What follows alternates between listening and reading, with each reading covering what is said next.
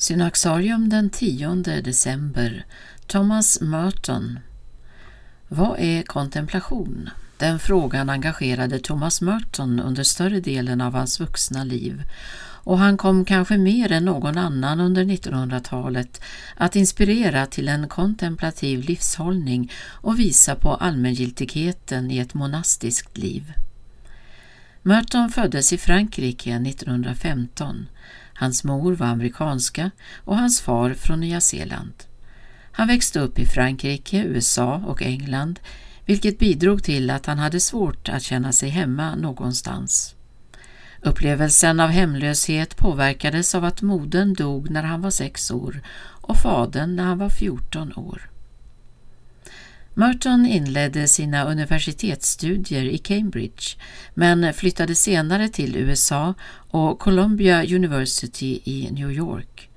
Där började han ge uttryck för sitt andliga sökande genom att undervisa i litteratur och skriva romaner. Men det var när han upptäckte evangeliet och bejakade en klosterkallelse endast tre år efter sitt dop som han fann den livsväg som skulle skänka rötter och vingar åt hans kärlek till ensamheten. Thomas Merton blev trappistmunk i det amerikanska klostret Getsemane och efter mer än tio år i strikt avskildhet gick det upp för honom att hans självbiografi The Seven Story Mountain, kallad Till tystnad i svensk översättning, hade gjort honom berömd världen över. Han hade blivit en symbol för det kontemplativa livet. Merton hade blandade känslor inför det faktum att han blivit en celebritet och även om han fortsatte att skriva livet igenom tillbringade han sina sista år som eremit. Thomas Merton kunde vittna om hur sökandet efter ett liv med Gud inte gör människan föraktfull mot världen. För honom själv kom vändpunkten i det avseendet under en shoppingtur i Louisville när han plötsligt insåg att han var ett med alla de människor han såg omkring sig.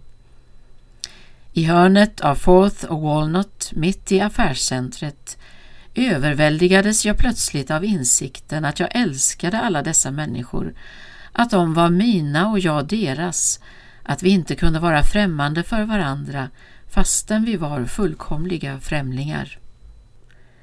Det var som att vakna från en dröm om avskildhet, om falsk självisolering i en särskild värld, försakelsens och den förmodade helighetens värld. Känslan av befrielse från en illusorisk åtskillnad var en sådan lättnad och glädje att jag nästan började skratta högt. Thomas Merton dog i Bangkok den 10 december 1968 genom en olyckshändelse.